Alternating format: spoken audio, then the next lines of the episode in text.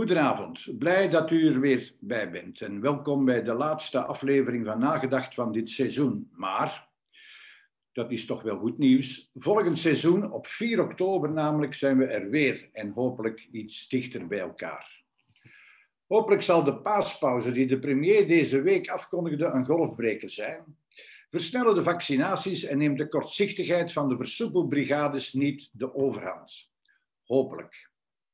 Want ofschoon deze regering het beter doet dan de vorige, kunnen we toch vragen stellen over een beleid dat, met de lessen uit de twee vorige golven nog fris in het geheugen, denk ik dan, toch bij de aantocht van de derde golf eerst aarzelend optrad, dan eindelijk wel beslissingen nam die echter onmiddellijk gecounterd werden door een voorzitter van een meerderheidspartij, de MR, de heer Boucher, en door een Vlaams minister van Onderwijs die zijn eigen collega's en bovendien zijn partijgenoot, minister-president Jan Bon, te kijk zetten.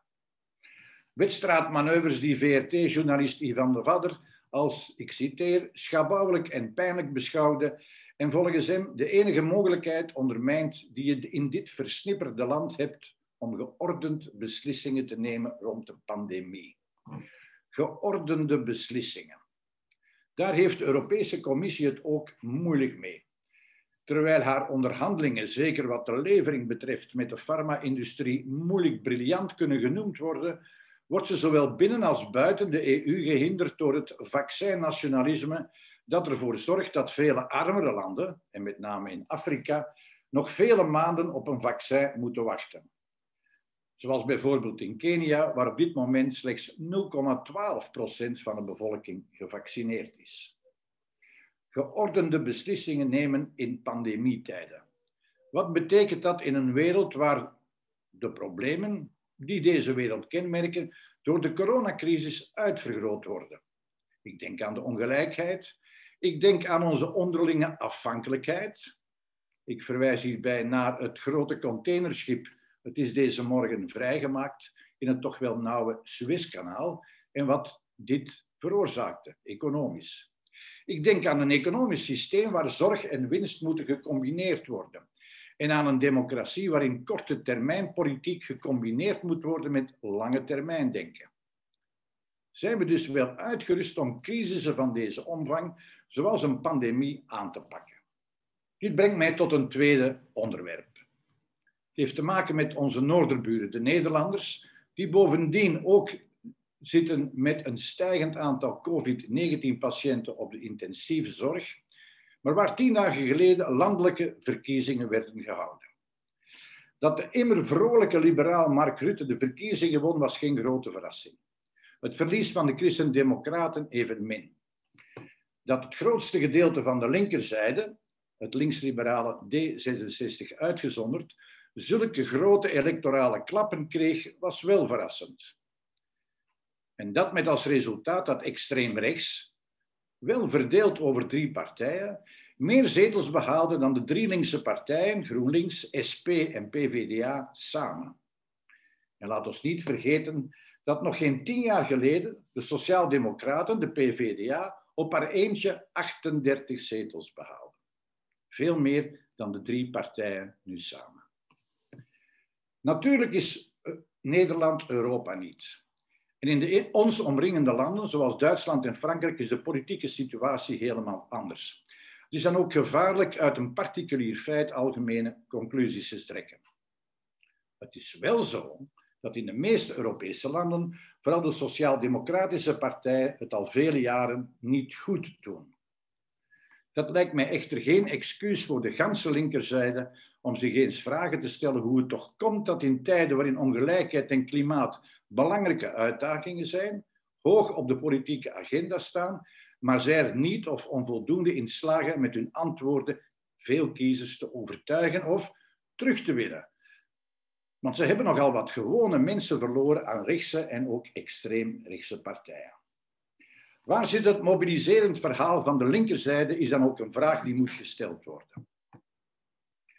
In de beweging is het antwoord van SPA-voorzitter Conor Rousseau.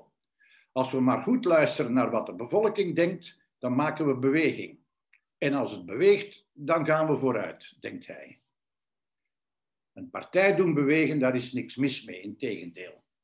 Hoe je van een partij, tenminste als het de bedoeling is, een beweging maakt, is echter een andere kwestie. En zeker niet als je in de promotiefilmpjes en interviews hard moet zoeken naar inhoud. Nochtans leerde de sociologie mij dat om een beweging succesvol te maken, een charismatische leider, of moet ik nu zeggen influencer, alleen niet volstaat. Succesvolle maatschappelijke bewegingen zitten op een uitgekristalliseerd kruispunt waar grondstromen in de samenleving samenkomen met een idee, een belang en een daarbij horende narratief. Zo zijn ooit vakbonden en mutualiteiten ontstaan en veel later vredes-, milieu- en derde wereldbewegingen. En nu Black Lives Matter. Ze zijn dus niet ontstaan door het spuien van ideetjes of het invullen van vragenlijsten.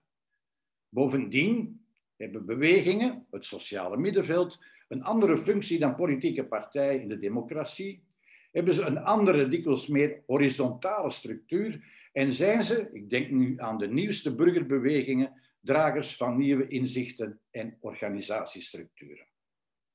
Tot daar enige mijmeringen, maar nu graag het woord aan onze gasten. Rogier de Lange is dokter in de filosofie en master in de economie.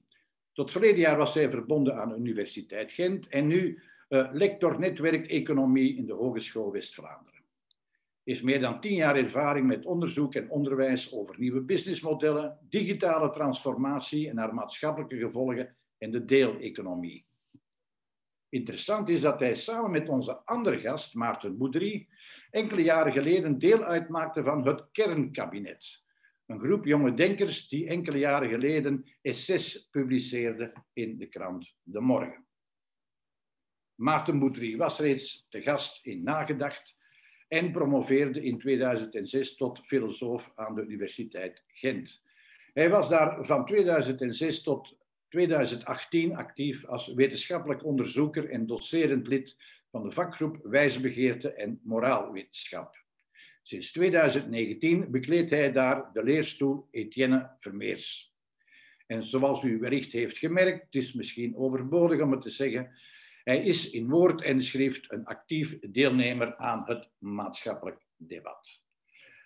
Van zijn boeken vermeld ik hier toch nog voor kort Illusies voor gevorderden of waarom altijd de waarheid beter is van 2015, waarom de wereld niet naar de knoppen gaat van 2019 en onlangs publiceerde hij samen met onze moderator Eerste Hulp bij Pandemie. Maar nu graag het woord aan Joël. Oké, dankjewel. Dankjewel, uh, Jos, voor de uh, fraaie inleidende woorden, zoals steeds. Welkom iedereen bij Nagedacht, met inderdaad Maarten Boudry en uh, Rogier de Lange, die wij vandaag te gast hebben. en bij wijze van full disclosure, zoals ehm, Jos al zei, heeft uw moderator Ehm, een recente boekpublicatie op zijn geweten in samenwerking met een van de deelnemers aan het debat vandaag. Dus uh, Maarten Boudry en ik hebben een boek geschreven over de pandemie, eerste hulp bij pandemie. Ik zal niet van de gelegenheid uh, misbruik maken om daar reclame voor te uh, maken. Dat zou ongepast zijn, maar, maar, het is wel een buitengewoon nog steeds brandend actueel boek natuurlijk.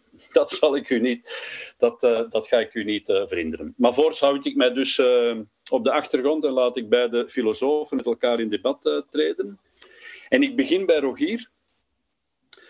Ehm, want zoals uh, Jos al zei, Rogier en Maarten en ik hebben dat ook met eigen ogen kunnen waarnemen op sociale media en, uh, en op andere plekken.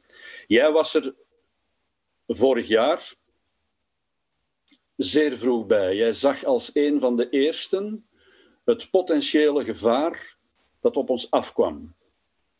Ga eens even terug naar dat moment. Wanneer zag jij van, oei, oh jee, dit kan helemaal fout gaan. En, uh, en hoe heb jij, en dan misschien een snelle vogelvlucht, hoe heb jij dan de ontwikkeling van de pandemie uh, ja, het voorbije jaar ervaren? Goh, ik, heb, um, ja, ik heb gewoon altijd geprobeerd om met een, met een, met een onbevooroordeelde blik naar die situatie te kijken. En wat ik net vaststelde in die tijd was die ging eigenlijk niet zozeer over die pandemie, maar dat ging over de manier waarop dat heel veel mensen, zowel experten als opiniemakers, journalisten um, naar die pandemie gingen kijken. Hoe, die, hoe die, die blik op die data steeds maar meer gekleurd werd. Hoe, er was inderdaad heel veel onzekerheid op dat moment. Hè. Dat, was, dat was juist ook het probleem. Er was, heel weinig um, data. De data was ook niet, niet betrouwbaar. Um, maar met dat argument werd door heel veel mensen gebruikt om te zeggen: ja, maar het zal wel zo erg niet zijn. Zie je, de data die klopt niet, die is niet, is niet helder. Maar ja, dat argument werd natuurlijk langs beide kanten. Maar, maar ik stel vast dat het vooral gebruikt werd om, om, om die situatie te gaan minimaliseren. Terwijl, terwijl ik ja, toch, toch probeer om die, die ook blik te houden. Waar dat toch iets, iets typisch is dat je moet doen op het moment dat er een, een, een grote gebeurtenis als, als dit zit aan te komen. Dat is, ja, dat is dan een stuk mijn achtergrond in complexe systemen die waarschijnlijk ervoor zorgt dat ik dan, of, of een aantal mensen ook in de complexiteitsgemeenschap, maar ik was daar zeker niet alleen in, um, dat die die reflex hebben. Um, en dus, ja, misschien dat het heel technisch wordt, maar, maar um, wat je krijgt en op het moment dat een, dat een situatie uit de hand loopt, als, als, als er een cascade komt van, van uh, problemen die elkaar gaan versterken, is dat je uitkomsten kunt krijgen van alle groottes. En dat wil dus zeggen dat het verleden niet representatief is qua grootte orde. Dus dat zou betekenen alsof dat je plots... Dus je bent gewend geworden om mensen tegen te komen. Je weet dat de gemiddelde grootte ongeveer ja, 1,76 meter is of zo voor een, voor een volwassen man. Um, ja, die, die, volwassen man die kan misschien 1,70 meter zijn, die kan misschien 1,80 meter zijn, maar die zal geen 30 meter groot zijn. Um, wat er gebeurt in, in zo'n situatie van, van cascade is dat je plots wel iemand tegenkomt die 30 meter groot is. dus ik, met andere woorden, je kan, kan situaties krijgen van alle groottes. En dat wil zeggen dat je juist niet kan afgaan op je voorgaande kennis om, om een idee te hebben over deze grote orde. Maar dat is net precies hetgeen wat je doet als je een expert bent. Experten zijn getraind om te leren, te leren uit het verleden, uit voorgaande cases, om te gaan kijken hoe ze iets moeten oplossen. Als je, naar een, als je een oogoperatie laat doen, dan hoop je maar dat die persoon die die oogoperatie uitvoert, dat die voordien ook al een keer een oogoperatie gedaan heeft, en dat die hopelijk daar ook het een en ander heeft over geleerd. Nu, net die kennis, die ervaring, ehm, die ervoor zorgt dat je ook met een bepaald um, verwachtingspatroon naar de situatie kijkt, net dat verwachtingspatroon is op het moment dat, dat zo'n situatie helemaal uit de hand loopt, dat die situatie begint, als een cascade zich begint te versterken, net dat verwachtingspatroon kan, kan tegen u werken. Wat ervoor zorgt dat het soms net de mensen waren met het meest van alle expertise um, die, die het laatst waren om, om, om in feite te begrijpen wat er, wat er gebeurde. Um, en dat is, dat is niet zo uh, uniek. Als, als je kijkt bijvoorbeeld naar de financiële crisis in 2007, 2008 dan zag je hetzelfde gebeuren bij, bij um, academische economen en, uh, en, bij heel veel opiniemakers rond economie. Die zeiden, ja, de soep zal wel niet zo heet gegeten worden als ze wordt opgediend. Wel nu, dat werd ze wel.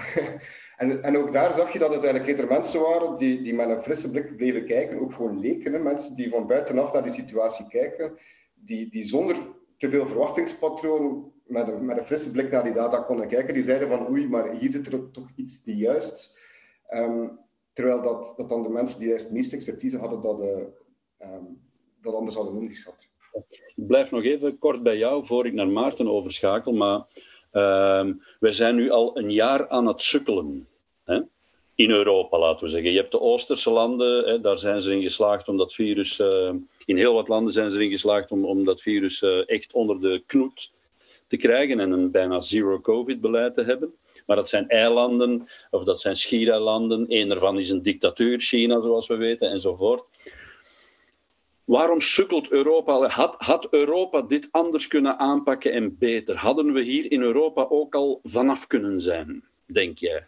Goh, dat is, dat is ergens een, ja, een heel moeilijke vraag. Op het moment dat je te, te, maken krijgt met een complex systeem, heb je natuurlijk ook heel veel verschillende goede antwoorden. Uh, het is niet zo dat er één uniek goed antwoord is. Um, het, is, het, is, ook moeilijk, vind ik, om, om, beslissingsmakers um, te betrappen op een, op een slechte beslissing, omdat die beslissingen natuurlijk ook niet op zich staan. wij zijn, of, wij, ik mezelf als filosoof, als een soort van stuurman aan, wal. En voor mij is het natuurlijk makkelijk om te zeggen, deze beslissing is juist, deze beslissing is fout. Maar in de praktijk hebben heel veel van die beslissingen hebben te maken met voorgaande beslissingen. Die worden, de, de van elke beslissingsmaker wordt vernauwd door beslissingen die daarvoor zijn genomen. en, en het, is, het is makkelijk om als buitenstaander een beslissing als iets op zich staans te zien, maar, maar dat zijn ze natuurlijk niet. En dan zeker in een, in een wereld zoals, of in een, in een omgeving zoals onze in, in Europa, waar zaken heel sterk met elkaar verbonden zijn. Ja, een, van de ja, meest intergeconnecteerde economieën ook in de wereld. Um, ja, is, het, is het natuurlijk niet zo makkelijk om, om, om,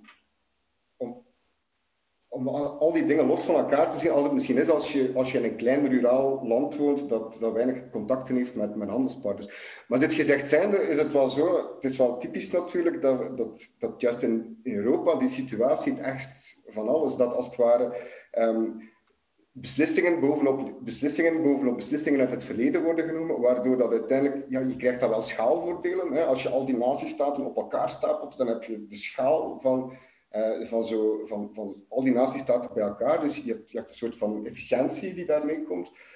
Maar de, de prijs die daarvoor betaalt, is, is wel die, dat aanpassingsvermogen. Dus um, zoals, um, zoals Jos daarnet al in de inleiding ook schetste, die, die trade-off tussen robuustheid en, en optimalisatie waar in Europa toch wel een, een neiging is om te kiezen voor, ja, voor het oplossen van problemen op korte termijn, de juiste oplossing, optimale oplossingen, maar waarbij dat er niet altijd de, de vraag wordt gesteld is of dat die oplossing ons niet te veel handelsmogelijkheden in de toekomst ontneemt.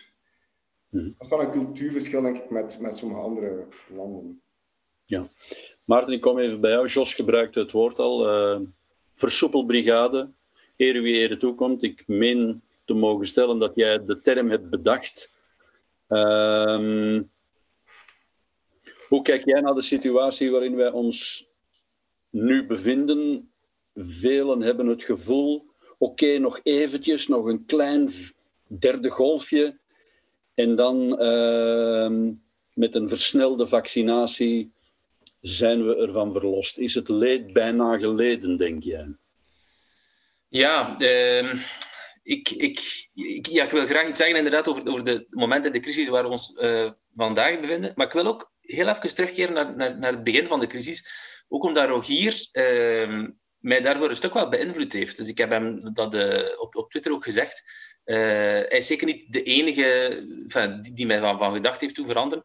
Maar hij heeft een stuk geschreven destijds, denk ik op 9 maart in de tijd, ehm, dat, uh, dat, dat voor een stuk mij heeft toen inzien dat er, wel, dat er ons wel degelijk een, groot gevaar boven het hoofd hing. Misschien heel korte context schetsen.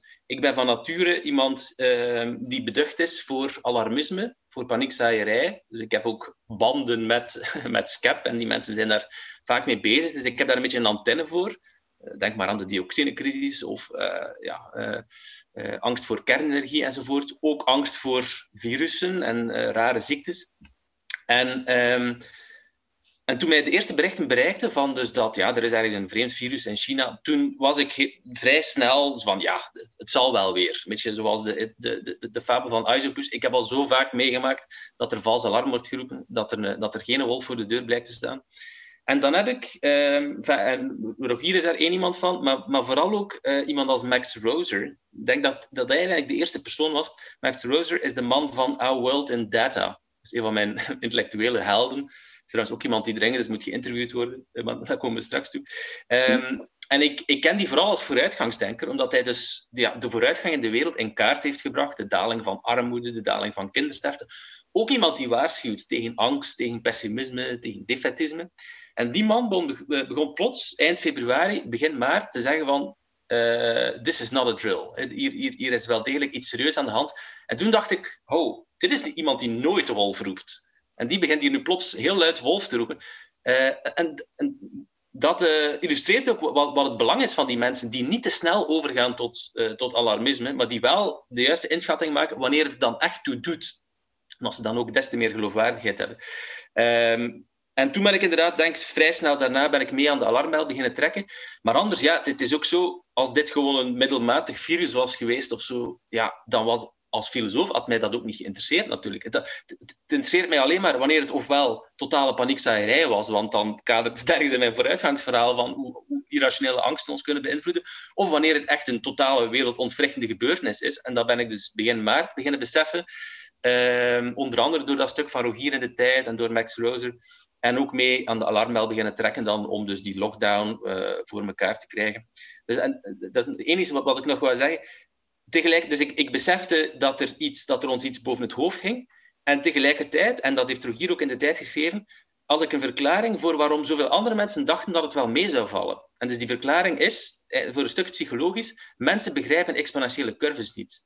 Dus het vergt een soort van verbeeldingskracht of een vertrouwdheid met dat, met gewoon dat wiskundige concept, om te zien dat een lichtjes glooiende, lichtjes stijgende curve, dat dat eigenlijk de voorbode is van een totale explosie.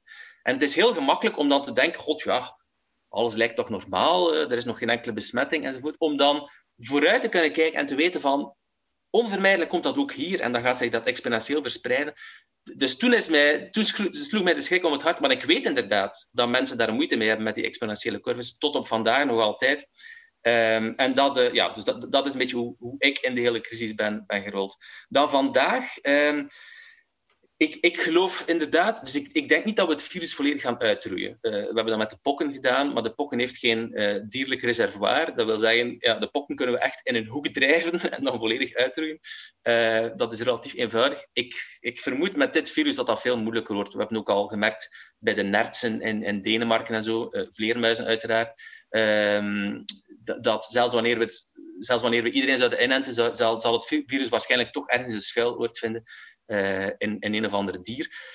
Maar dat neemt niet weg dat ik wel geloof dat de redding, eh, niet de absolute redding, maar dus wel voor een groot stuk, de redding nabij is door die, uh, door die vaccinatie. Um, waardoor ik het, ik heb daar onlangs een stukje voor geschreven, uh, over geschreven voor Trouw en, en ook voor de tijd, waardoor ik het wel tragisch vind vandaag dat, er dus, dat we nog altijd op zo'n enorm plateau zitten van besmettingen en hospitalisaties.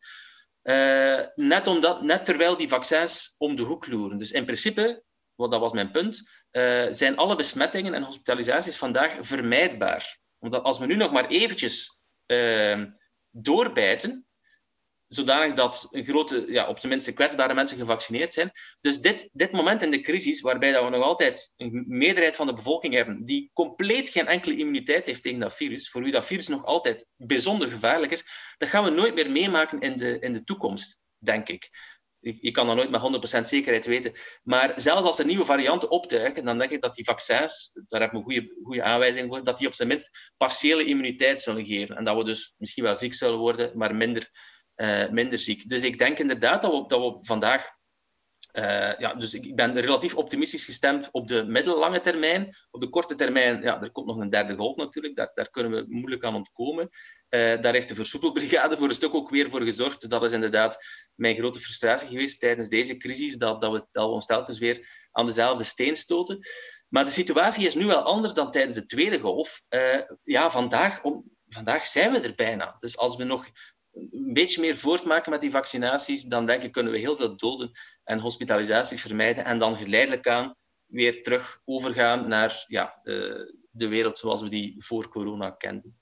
Ja, kom ik terug bij, bij, Rogier. Er is toch een, uh, een strekking en die wordt mede door complexiteitsdenkers zoals jij.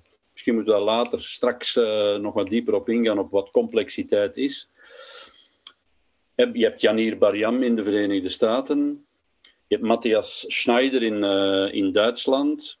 En enfin, misschien is het maar een indruk, maar een aantal van die mensen die denken in, in termen van complexe systemen of die dat bestuderen, zoals jij, die, die staan toch een, een, nog altijd een soort van zero-covid aanpak voor. Die zeggen we moeten toch, we hebben er alsnog, ook nu nog, belang bij om dat beest zo klein mogelijk en zo plat mogelijk te slaan.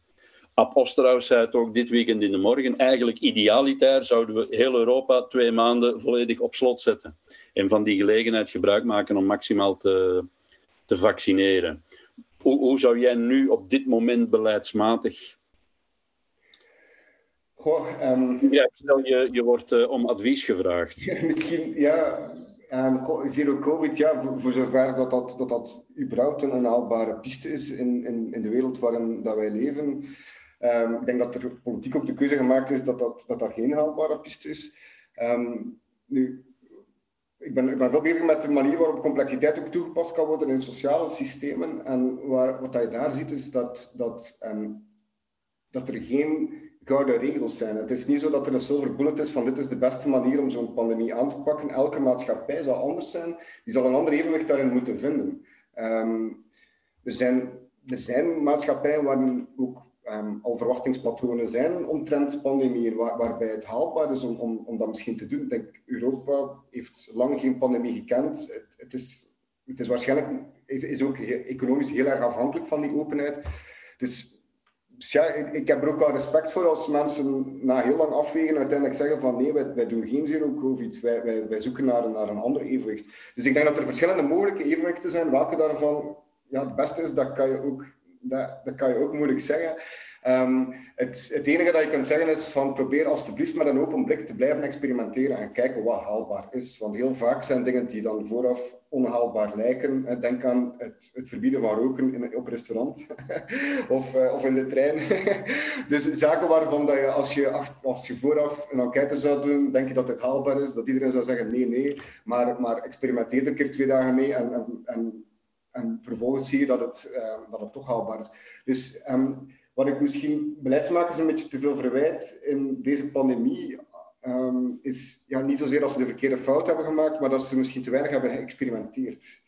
Um, dit was eigenlijk een unieke kans ook om kennis op te doen over welke maatschappij zijn we eigenlijk geworden. Hè, want, want, onze maatschappij zoals dat in nu bestaat, is ook helemaal anders dan, dan 50 jaar geleden. Die is ook veel intergeconnecteerder. We zijn er altijd maar over bezig. Van die interconnectie zorgt ook voor allerlei nieuwe soorten problemen. Dat was ook het verhaal ten tijde van de financiële crisis bijvoorbeeld.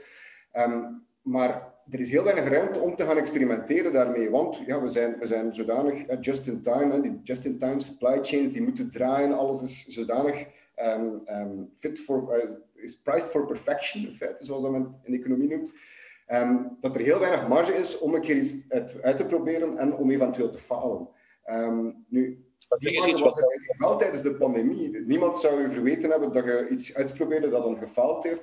Maar daar zijn we toch denk ik altijd blijven zitten op de, ja, een redelijk conservatieve koers, redelijk, redelijk ja, wachten tot er draagvlak is bijvoorbeeld. Ja, dat is, dat is geef eens een voorbeeld van wat, wat men zou kunnen. Geef eens een voorbeeld van een experiment. Zo, van je denkt, waarom heeft men dat niet eens geprobeerd? Um, wel, bijvoorbeeld Zero, zero Covid zou een, een, een, een een doel kunnen geweest zijn, maar dan, dan misschien niet meteen voor het hele land of voor het hele continent. Maar je zou bijvoorbeeld een bepaalde zone hebben kunnen uitkiezen waar, waar daar sowieso al veel draagvlak voor was.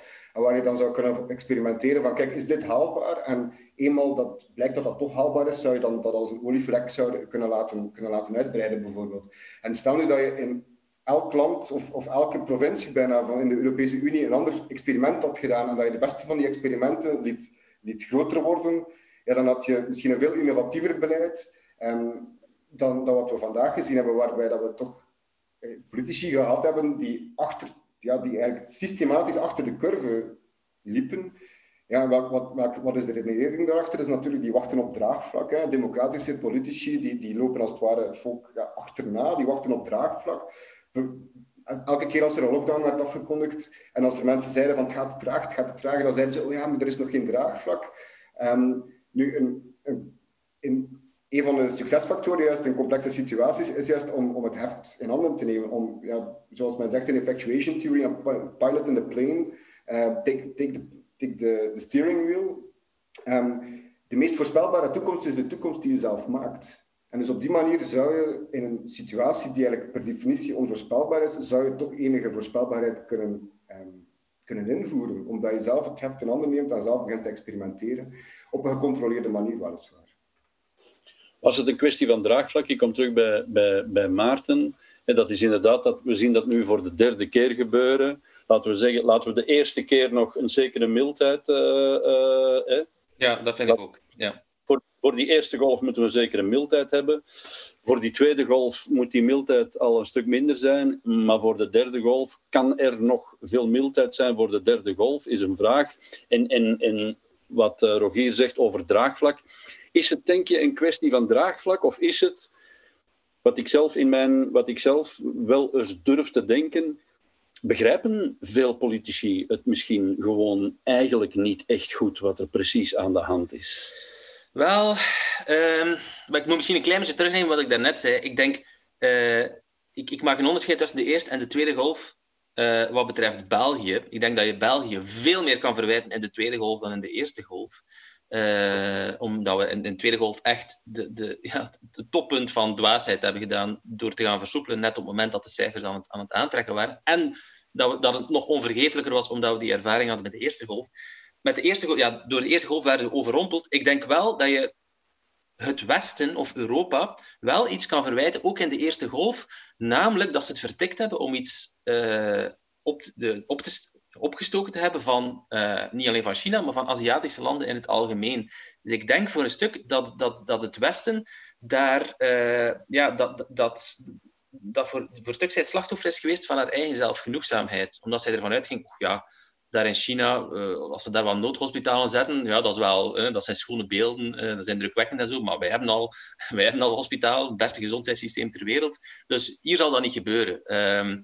Um, Aziatische landen, dat zijn dan ook dat zijn meer collectivistische cultuur dan al die uh, beetje orientalistische vooroordelen die, die mensen hier dan hebben.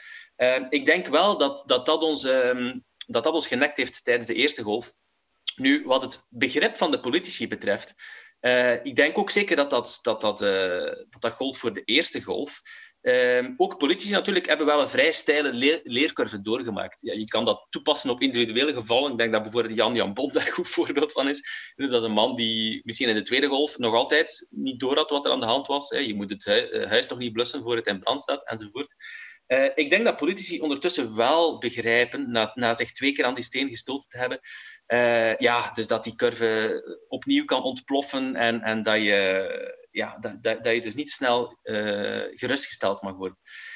Um, dus op dit moment denk ik inderdaad dat het vooral een kwestie van draagvlak is. Um, ja, paradoxaal genoeg, tij tijdens zo'n crisis is het beste moment om in te grijpen eigenlijk het moment waar, waarop er nog geen draagvlak is omdat er nog niks aan de hand is. Dan kan je preventief zijn, dan kan je vermijden uh, dat, dat, dat, de zaak ontploft. En, en, en, en, en dan het enige risico dat je loopt, is dat je achteraf wordt uitgelachen door mensen die zeggen: Ach, paniekzaaier, uh, je hebt, je hebt, heel, je hebt gewoon uh, ja, voor niks gepanikeerd. Dat, dat is de, de beruchte preventieparadox, die waarschijnlijk de, veel mensen al de keel uithangt, omdat ik blijf op die spijker kloppen.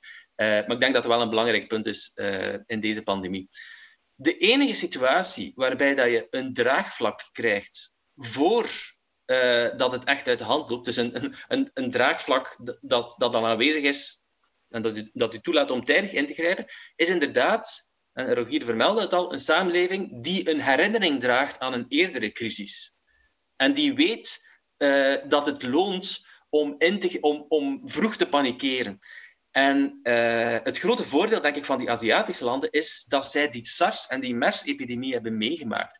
En dat dat, voor dat dat voor een stuk en ook geluisterd heeft. Als ik me niet vergis, heeft Zuid-Korea destijds de SARS-epidemie ja, redelijk verknoeid. Dus ze hebben daar ook een beetje uh, gehandeld zoals, zoals Europa vandaag handelt bij de, uh, bij de tweede SARS, bij, de, bij het coronavirus van vandaag. Um, maar natuurlijk, ja, ze zijn daar ook voor een stuk door getraumatiseerd. En ze hebben heel snel de, beslissing gemaakt van, oh wacht, dit, dit, gaan we geen tweede keer meemaken. Uh, ook vooral, het is een verwant virus. We, we, weten wat ons te wachten staat. Meteen de boel dicht, alle, alle vluchten uit China uh, geschrapt, iedereen mondmaskers enzovoort. Dus ze schakelen daar meteen naar een modus. Um, en dat hebben wij niet gehad. En ik vrees ook, ja, dat, dat, dat momentum om, om die curve plat te slaan, want de vraag die je net stelde, is, is denk ik legitiem. Dus ik, misschien dat ik iets meer dan Rogier geneigd ben om te denken dat dat ook in Europa de beste strategie is, of beter gezegd, was geweest. Want ik vermoed wel dat het kalf nu verdronken is, puur wat dat draagvlak betreft. Dus hadden we toen het draagvlak kunnen creëren om te, om te zeggen, mensen, we zijn er nu bijna in uh, mei, juni uh, 2020. er zijn al relatief uh, weinig besmettingen, maar als we nu nog een klein beetje doorbijten, dan slaan we die curve helemaal plat. Niet meteen zero COVID, ik bedoel, we gaan nooit nul besmettingen krijgen, maar gewoon nog ietsje platter. En legt dan ook uit aan mensen, kijk, want een exponentiële curve die, die, die heeft dan veel meer tijd nodig om, om zich weer te gaan ontwikkelen. Maar mensen hebben het idee, ah ja, zolang er virus circuleert, zijn we niet van dat virus af. Dus het is zo'n beetje een vals dilemma. Ofwel is er virus, ofwel is er geen virus. Maar een zeer lage circulatie van virus, dus tegen dat dat virus dan opnieuw die verdubbelingstijd heeft doorgemaakt om te kunnen exploderen, uh, ja, noopt ertoe eigenlijk om, om te zeggen, nee, we moeten het volledig plat slaan. Maar toen hebben we het niet gedaan, ja, om samenspel van redenen, omdat we die ervaring niet hadden, omdat mensen gewoon de volharding ook niet hadden om dat vol te houden.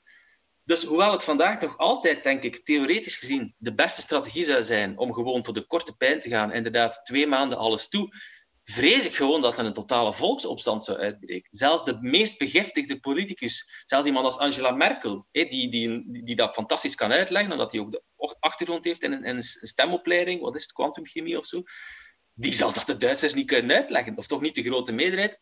De, de, de, ik denk dat er een, grote groep van mensen zal zijn die, die, die, die voert zal zeggen en die niet zal willen meedoen, omdat het gewoon al zo lang aansleept. Dus ik vrees inderdaad dat we, dat we nu een beetje voor een voldongen feit staan, dat we niet anders kunnen dan, dan dat jojo-beleid ja, te blijven volhouden tot het, tot het afgelopen is.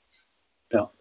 Rocky, denk jij dat eh, als je dat, dat, dat het systeem, dat eh, als we Europa, de Europese samenleving met de politieke constellaties en, en, en organisatie, heeft dat systeem, is als je dat een systeem kunt noemen, heeft dat nu iets geleerd het voorbije jaar? Zijn we bij wijze van spreken nu wel gewapend, zoals de Aziatische landen dat nu al waren? Zijn wij nu gewapend voor toekomstige pandemieën? Uh, of kunnen we binnen tien jaar nog eens een, uh, nog eens een, uh, een, een, ontwrichtend virus over ons heen krijgen? Of, of zijn we nu wel ehm, waarschijnlijk een beetje geleerd? en zal de volgende crisis dus van een geheel andere, op dit moment nog totaal onbekende aard zijn? Um, de, de, snelheid waarmee organisaties in staat zijn om te leren is, is typisch heel erg laag. En die kan je, die kan je ook aflezen aan de, snelheid waarmee ze überhaupt in staat zijn om zich aan te passen aan, aan nieuwe situaties. En ik denk dat um, ja, juist ja, Europa als, geheel dan, als, als, als uh, Europese Unie dan, en, maar ook Europese natiestaten, ja, een, een um, laten zien dat, dat, dat, ze daar eigenlijk niet zo heel goed in zijn. Dus um, als je kijkt naar het verleden, het recente verleden, dan, en, kijkt bijvoorbeeld wat, wat Europese landen geleerd hebben uit de financiële crisis, dan is, is daar toch ook, zeker als je het bijvoorbeeld vergelijkt met de manier waarop de, de Amerikaanse banken zijn, zijn opgekuist, zie je dat, uh, ja, dat in Europa dat dat toch allemaal een stuk langer duurt. Als je kijkt bijvoorbeeld naar het um, dossier over digitalisering, dan zie je dat er eigenlijk wel heel veel know-how is in, in Europa. Um, er is heel veel menselijk kapitaal, maar, maar toch op, om een of andere reden missen we een stuk die digitale trein. Zijn er bijna geen Europese platformen. Dus het, ik denk dat we, ja, zeker in Europa zitten we met, met ergens het proberen maximaliseren van die optimalisatie. Hè. Proberen, proberen zo, zoveel mogelijk schaalvoordelen te realiseren. Maar um, ja, met heel weinig aandacht voor het, uh, het, uh, het, realiseren van die robuustheid, voor die, het aanpassingsvermogen. En dus dat aanpassingsvermogen, dat correleert rechtstreeks met het leervermogen dat je hebt als, um, als land of als organisatie. En ja, ik hou dus mijn hart vast voor de volgende keer dat we zoiets meemaken. Dat was ook de reden waarom ik initieel ook meteen al sceptisch was. Um, toen die pandemie uitbrak, zag ik meteen grote artikels verschijnen in de krant van dit zijn de mensen die de pandemie gaan oplossen voor ons. De grote, de grote eh, interviews met de beleidsmakers. Dan dacht ik van ja, dat moet ik toch wel nog een keer zien. Want uh, als je kijkt dan naar de track record van, van de 15 jaar daarvoor, met bijvoorbeeld de financiële crisis en bijvoorbeeld de digitalisering, dan zie je dat die track record net heel pover is. Um, ik vond het vooral eigenlijk opvallend hoeveel vertrouwen mensen nog bleken te hebben in, in die klassieke structuren om dat op te lossen. En Um, ja, dat waar je zag dat dan toen de pandemie losbrak, dat ze eigenlijk eerst nog de communautaire problemen moesten oplossen voordat ze überhaupt aan de pandemie konden beginnen, ja, dan, ja, dan, Dan, dan, denk ik dat je wel een idee hebt van het leervermogen dat we hebben, dat dat heel minimaal is. ik denk, als ik één iets mag aan toevoegen, ik denk wel gewoon heel concreet, uh, als je teruggaat naar, naar maart uh, 2020, vorig jaar, dan, dan zag je eigenlijk ja, dag na dag, week na week, gebeurden er dingen die de week ervoor nog onvoorstelbaar waren. gewoon uh, ja, eerst die, uh, dat de, de, de, gezondheidsvoorschriften als handen schudden dan niet meer mag. Uh, daarna winkels die werden gesloten, scholen, een, volledige lockdown, ehm, mensen die in huis niet meer, niet meer uit mochten enzovoort. Um, in principe, dus wie dan een beetje een historisch perspectief heeft, die weet, ja, dit is niet zo uitzonderlijk. Het is gewoon zo lang geleden dat de, mensen die dat hier de laatste keer hebben meegemaakt, ja, die zouden bijna al meer dan 100 jaar moeten zijn. Dus de Spaanse griep is daar eigenlijk het laatste voorbeeld van. Um, maar ik denk, het, ja, het, het grote voordeel uh, zal toch zijn, niet alleen bij onze, bij onze beleidmakers, maar dat wij nu, de mensen die dit allemaal hebben meegemaakt, die weten op, op zijn minst dat als er nog eens een nieuw virus opduikt, en met het oude virus, dat is een andere kwestie, want dat krijgen we gewoon niet meer weg. Dus wat dat betreft eigenlijk, hebben we die strijd al wat verloren. Maar ik, ik vermoed, als er een volstrekt nieuw virus zou opduiken, verwacht ik zelfs bijna een soort van tegenreactie, dat er mensen misschien ook nodeloos in paniek zullen slaan, wanneer er eigenlijk nog geen vuiltje aan de lucht is, omdat ze wel weten van, kijk, het is niet, uh, we gaan niet meer in dezelfde val trappen dat we denken van een lockdown of zo. Allee, dat kunt u toch niet meer voor. Een avondklok. Wie, wie, zou zoiets zelfs durven, durven dromen? Maar, maar nu weten we het, omdat we het al hebben meegemaakt. Dus we weten, het kan uit de hand lopen. Uh, het kan totaal uh, ontwrichtend zijn. Dus Allee, het, lijkt mij bijna moeilijk voorstelbaar dat we daar niks van zouden opsteken. Net zoals de Zuid-Koreanen daar toch ook wel iets van hebben opgestoken um, bij, bij, de, bij de SARS-epidemie. Een beetje het collectieve geheugen dat we daarvan dragen. Um, ik ga niet zeggen dat onze experts daar beter van zullen worden, maar er zal toch misschien ook sneller een draagvlak komen als we mensen zouden waarschuwen van kijk, als we nu niet ingrijpen, dan zijn we weer vertrokken. Nee jongens, dan is het weer avondklok en, uh, en lockdown enzovoort dan gaan mensen toch sneller overtuigd zijn van, ah, oké, eh, dit is niet zomaar denkbeeldig, dit kan gebeuren. Zo'n dingen zijn, zijn, zijn realistisch. Ik denk dat we straks misschien ook wel in een, in een, uh, in een groter verband uh, op de kwestie terugkomen. Ik ga eerst ook hier drie korte vraagjes stellen, een gimmick uh, in, in, in, in deze format. Gewoon heel snel en kort. waarover schrijven de kranten te weinig? Um een grote frustratie van mijzelf is ja, dat kranten te weinig schrijven over de positieve kanten van de digitale revolutie. en over de opportuniteiten die die met zich meebrengt. Dus er is, er is heel veel aandacht voor de digitalisering, voor nieuwe vormen van organisatie en, en uh, nieuwe businessmodellen. Maar die, die aandacht die spitst zich vooral toe op op wat, wat, gaan we verliezen? Op welke manier is dit nieuwe anders van wat we al kennen? En op welke manier zal dit datgene wat we kennen kapot maken? Um, natuurlijk, datgene wat we kennen is veel tastbaarder en concreter eh, dan, om over te schrijven ook, dan datgene wat we mogelijk zouden kunnen krijgen. Um, maar ja, ik vind het geen eerlijke afweging. Ik vind het, ik, um, om, om, om de volledige, het volledige plaatje van die technologische revolutie, die, toch wel, die, die ik toch wel zo mocht noemen, um, van die digitale revolutie te, te, schetsen, zou je ook moeten kunnen um, die nadelen afwegen tegen de potentiële voordelen. Dus, dus zoiets als, als privacy bijvoorbeeld, is zo'n discussie die altijd maar opnieuw opduikt. Ja, van inderdaad, er, er, wordt meer, er gaat meer data circuleren. Dus dat betekent dat uw privacy in gevaar komt. Dat, dat is inderdaad een probleem, maar, maar daar zijn ook mogelijk oplossingen voor door diezelfde digitale revolutie. Um, maar tegelijkertijd, wat krijg je daarvoor in ruil? Dan krijg je op maat gemaakte diensten die enkel daar zijn op het moment dat jij die nodig hebt en die de rest van de tijd uh, verdwijnen. bijvoorbeeld een auto die, die gewoon opduikt op het moment dat je buiten je huis komt, die jou voert waar je moet zijn en die daarna weer in het niets verdwijnt. Um, dat is iets wat heel veel efficiënter is dan een auto die in je garage staat, die plek staat te pakken in een stad, geparkeerd moet worden, die daar ook nog een keer openbare ruimte inneemt. Dus, dus als, je, als je die data, die persoonlijke data van al die mensen kunt gaan integreren in één groot systeem en ervoor zorgen dat die auto geen product, maar een dienst wordt, en daar verschijnt waar dat die nodig is, heb je een potentieel om de um, ja, auto's staan 95% van de tijd stil, dus heb je een potentieel om 19 van die 20 auto's overbodig te maken. Dus het probleem is dat er dan iemand weet, kijk, dat ben ik dan weer, de, de typische journalistieke reflex inderdaad, en daar heb je gelijk, dat ik dan denk, als, als we allemaal zo'n autootje zelfrijdend eventueel moeten bestellen, dan is er iemand centraal die volledig op de hoogte is van waar ik wanneer geweest ben en wanneer ik mij van punt A naar B en van B naar C en van C naar D en hoe laat ik ben thuisgekomen en zo verder. Die kennis is dan ergens aanwezig. En dat vind ik on, onheimlich. Ik vind het nu al vervelend dat ik mijn uh, bankkaart moet gebruiken en mijn uh, nummerplaat moet uh, induwen als ik ergens parkeer. Ja, dat betekent... wordt sowieso overal herkend, dus die sensoren zijn daar eigenlijk al. Dus, dus het wordt sowieso al gebruikt. Ik denk aan de, voor de aanslagen in, in, in, in op Zaventem. Um, ja, die persoon, die, die gevolgde man met het hoedje, ja, achteraf gezien, als je echt die persoon wilt volgen, dan, dan kon dat eigenlijk. Dan, dus, dus dat, geldt ook voor u. en dat geldt ook voor mij waarschijnlijk. Dus, dus als je echt iemand wilt volgen, dan, dan, dan zijn al genoeg camera's in onze, in onze wereld. Er, er is al nummerplaatherkenning. Uh, dus die zaken zijn er eigenlijk al. Um, ik denk, laten we ons ook focussen op de positieve aspecten. Dan kunnen we daar samen proberen het beste van te maken. Want ik denk, die negatieve aspecten die gaan er sowieso komen. Um, Um, of dat je dat nu wilt of niet, omdat dat ook te maken heeft met, met andere zaken. Dus dan kan je net zo goed ook proberen om die positieve zaken tegelijkertijd te realiseren. En misschien te kijken ook op welke manier dat die, dat die, ja, die nieuwe oplossingen ook weer nieuwe middelen geven om die, die nieuwe problemen op te lossen.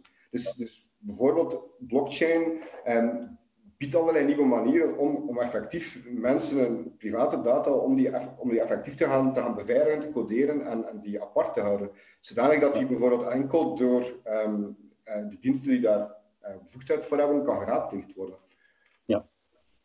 Ja een, ja, een optimistische blik op de, op de mogelijkheden van de digitale revolutie. Wat, welk boek ligt er op, op je nachtkastje? Um, goh, um, ja, Simple Habits for Complex Times. Simple Habits for Complex Times. Ja, ja, dat is een boek van Jennifer Berger en uh, Keith Johnston. Um, ja, eigenlijk is dat is iets gekomen sinds de pandemie. Dat, ik was daarvoor al bezig met complexiteit, maar de laatste, ja, de laatste maanden ben ik altijd maar meer bezig geraakt met die sociale impact van het feit dat die complexiteit daar is. En, en van wat dat eigenlijk doet met ons dagelijks leven. Want ik was heel erg onder de indruk van de de manier waarop in de aanloop naar die pandemie, dat er een soort van, ja, bijna een soort van ja, collectieve ontkenning plaatsvond. Um, en ook om te zien dat, de, ja, dat, dat je als het ware kon zien hoe die golf van, van uh, ontkenning, hoe die, hoe die door de maatschappij liep, en hoe, hoe de mensen bovenin de organisaties en uiteindelijk politici zelf ik ben de laatste mensen waren om eigenlijk te beseffen wat er aan de hand was, in plaats van omgekeerd. Dus dat, dat vond ik heel, uh, heel, heel interessant om te zien. En um, het boek uh, Simple Habits for Complex Times gaat er een stuk op in van wat betekent dat nu concreet? Hoe kan je nu concreet wapenen tegen dit soort situaties? Want dit soort situaties komt ook voor in, in, organisaties, in bedrijven. Het zijn dan misschien geen globale pandemieën, maar, maar het, het is bijvoorbeeld een, eh, een cultuuromslag die, die, uh, die dreigt, die je dan als CEO totaal mist en die ervoor zorgt dat jouw, jouw bedrijf uh, um, um, het, het, slechter gaat doen. Dus um, het, gaat, het gaat vooral over die complexiteit en het feit dat, dat die, onze klassieke manier, onze intuïties eigenlijk over, over oorzaak-gevolg, dat die, die op het verkeerde been zet. Oké, we gaan dat we gaan dat lezen. Wie moet ik uh, eens dringend gaan interviewen? Of wie moet iemand anders eens dringend gaan... Wie moet er dringend gaan interviewen? Wel, ja, bijvoorbeeld, uh, ik zou zeggen Laszlo Barabasi of iemand als Dirk Helping. Wie zijn dat? Dat zijn, dat zijn echte netwerkdenkers. Dat zijn netwerktheoretici, vaak ook met een achtergrond in de fysica. Um, nu, we hebben, we hebben heel veel gehoord in deze pandemie over Nassim Taleb en, en zijn, zijn discipel uh, Yannick Baryan. Um, dat zijn een aantal mensen die wel heel luid roepen ook, zeker Nassim Taleb natuurlijk. Um, maar achter, die, achter mensen als Taleb zit eigenlijk een, een heel... Ja, dus mensen als Taleb zijn als het ware het topje van een, van een grote ijsberg die momenteel aan het gebeuren is in de wetenschap. En dat is een soort van wetenschappelijke revolutie rond nieuwe inzichten in, in netwerken en complexiteit. En iemand die daar een heel grote rol heeft ingespeeld uh, de laatste twintig jaar is toch wel Laszlo Barabasi. Barabasi, ja, ik, ja. ja. En wie was die tweede naam die, die je vernoemde? Um, wel, nu, dat is Dirk Helbing. En dat is... Dirk Helbing. Dirk Helbing, die zit momenteel aan de TU Delft. En dat is iemand die die ideeën rond complexe systemen en netwerken, die dan typisch ja, worden toegepast bijvoorbeeld op cascading failures in elektriciteitsnetwerken bijvoorbeeld, Um, maar er is iemand die dat doortrekt naar, naar het sociale. Dus hij heeft een boek geschreven, Social Complexity bijvoorbeeld, um, waarbij dat je die netwerkblik kan gaan gebruiken om sociale fenomenen te gaan, te gaan begrijpen. Bijvoorbeeld een ja. kan je eigenlijk op dezelfde manier gaan begrijpen als een, een, um, een, een, een emmer water die, die bevriest. op dezelfde manier gebruiken, begrijpen? Dus, dus water dat, dat bevriest, water dat, dat eerst vloeit en dat door een verlaging van temperatuur plots begint uh, een andere structuur krijgt, dus uh, ja, een fasetransitie. Um, en met diezelfde blik, diezelfde formalisme, kan je verder kijken naar, naar ehm, allemaal los van elkaar bewegende wagentjes die plots een soort van structuur gaan vormen. Ja, ja. Ja, en dus daaruit volgen ook al allerlei nieuwe ideeën over hoe dat je zoiets als files kunt oplossen of de capaciteit van onze... Um... Ja, inderdaad. Ja, ja, ja. Super interessant. We gaan naar ons tweede onderwerp. En dan pak ik ook even vast wat Jos nog in zijn inleiding zei over de uh, pandemie. De pandemie heeft uh, een aantal uh, trends die al, al, al jaren in de goed, in, op de, de goede kant op gingen. Um, de foute kant toen opgaan. Het gaat de, de, de, met de armoede in de wereld gaat slecht, ongelijkheid, armoede en zo verder uh, zijn sterk toegenomen het voorbije jaar. Dat zou maar dat is misschien de, de sprong is misschien nogal, de sprong is misschien nogal ver. Maar het is iets wat je wel vaker hoort. Er ligt vandaag toch een soort opportuniteit voor linkse partijen om mee te scoren. En wat je ziet is, in Nederland wordt links bijna weggevaagd. En hier uh, zie je, uh, maar laten we Conor Rousseau misschien voor een Conor zoals een apart onderwerpje dat we die straks aansnijden. Maar misschien eerst aan Maarten de vraag, omdat ik weet dat je, dat, dat jou nogal uh, ook toch bezig heeft gehouden de voorbije jaren. Uh, wat is er met die linkerzijde toch gebeurd? Waarom heeft hij niet kunnen scoren na de financiële crisis? Waarom kan die nu niet, uh, niet beter scoren? Wat, uh, waarom is die aan het verpieteren? Toch in een aantal landen. Hè? Dat lijkt toch. De klassieke sociaaldemocratie is er in elk geval niet al te geweldig aan toe. En de rechter en dan de extreemrechterzijde daarentegen halen daar allemaal meer kiezers weg. Hoe komt dat? Ja, wel, um, misschien heel kort uh, over, die uh, socio-economische kwesties, uh, want dan het tweede punt zal ietsje langer zijn. Ehm, ik denk dat wanneer het over ongelijkheid gaat, dat de meeste mensen daar eigenlijk niet zo wakker van liggen. Dat is misschien wat verrassend, maar dat is een misleidende indruk die je kan krijgen. Um, er is natuurlijk verontwaardiging over ongelijkheid bij kleine groep mensen, dus uh, vooral ja, hoogopgeleide mensen, activisten, de indignado's bijvoorbeeld, de Occupy Wall Street-beweging. Maar eigenlijk ook psychologisch onderzoek wijst uit, mensen hebben eigenlijk geen probleem met ongelijkheid. Ze hebben enkel een probleem met onrechtvaardigheid. Uh, dus wanneer mensen bijvoorbeeld fraude plegen of op onrechtmatige wijze aan belastingontduiking doen, dat vinden mensen erg. Maar het feit dat er, dat er miljonairs of miljardairs zijn, ja, kijk hoeveel honderdduizenden mensen elke, elke week naar het voetbal gaan kijken, naar een, naar een potje van uh, eh, 22 miljonairs die tegen elkaar spelen. Uh, dus ik denk dat, um, dat linkse partijen zich daar, dus dat, dat, dat, dat daar weinig vraagvlak, uh, draagvlak voor bestaat voor echt die, die verontwaardiging over ongelijkheid aan zich. Um, ja, armoede en de, de, manier waarop de VN dat definieert, die bestaat hier eigenlijk ook niet meer. We hebben natuurlijk wel nog relatieve armoede en andere vormen van ja, kansenongelijkheid enzovoort. Uh, die nog moeten bestreden worden. Maar ik denk ook voor een stuk zijn linkse partijen een beetje het slachtoffer van hun eigen succes. Omdat dus die echte, die, die erge vormen van ontbering, die zijn hier voor een stuk opgelost. Dus de, zaken waar mensen nu van wakker liggen, ja, zijn een beetje verschoven naar andere kwesties. En dan het, het, de tweede reden, denk ik, waarom dat uh, linkse partijen vandaag het slecht doen. Het is natuurlijk speculatief, hè, want ik ben hier ook maar, ik ben hier met, met de natte vinger bezig. Ik heb de Nederlandse verkiezingen niet uitgebreid geanalyseerd is natuurlijk, en dat is een beetje mijn stokpaardje, um, ja, de, de, de politieke correctheid van linkse partijen. Um, wanneer het bijvoorbeeld gaat over uh, migratie, over de islam, over um, ja, zorgen om uh, de veranderende samenleving, dan merk ik toch uh, dat de meeste linkse partijen, Denemarken is daar een tegenvoorbeeld van, dat om die reden ook interessant is, met de Frederiksen, heeft wel een relatief fors uh, migratiebeleid en probeert die problemen wel aan te pakken. Scoort daar ook mee. Dus ik denk dat dat ook een reden is waarom zij daar wel mee scoort. Dus een combinatie van traditioneel uh, socio-economisch linksverhaal en een, en een uh, ja, eigenlijk zou ik kunnen zeggen, rechtsverhaal als het gaat over migratie. Um, en, en, en ik, ik geloof dat um, ja, politieke correctheid is vooral iets dat je aantreft in, aan de academische wereld, in de kunstensector bijvoorbeeld, maar niet bij de algemene samenleving. Ehm, dus, dus voor zover linkse partijen daar nog altijd een beetje van wegkijken, nog altijd bang zijn als ze over die thema's gaan spreken, dat ze daar, dat ze daar niet gaan kunnen scoren, dat ze extreem rechts in de kaart gaan spelen enzovoort, dan vrees ik inderdaad dat, dat, zij, dat zij de bevolking een beetje zullen kwijtgeraken.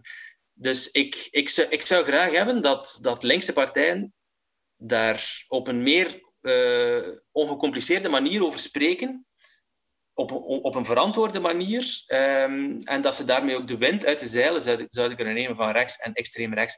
Want hoe je het ook draait of keert, een van de belangrijkste bezorgdheden op dit moment uh, bij de gemiddelde burger in België of in Nederland is inderdaad migratie en de islamisering en zo. Dat is nu een beetje uit, uit zicht verdwenen omdat we nu heel die coronacrisis hebben coronacrisis is ook iets waar linkse denkers niet echt goed mee kunnen scoren. Dus de, de, de enige die dat echt dat, uh, dat, uh, dat verzet tegen de maatregelen weet te capteren, zijn ja, het Forum voor Democratie, die totaal geen scrupules heeft met uh, de ontkenning van de, van problemen gewoon, net zoals dat ook niet over het klimaat heeft.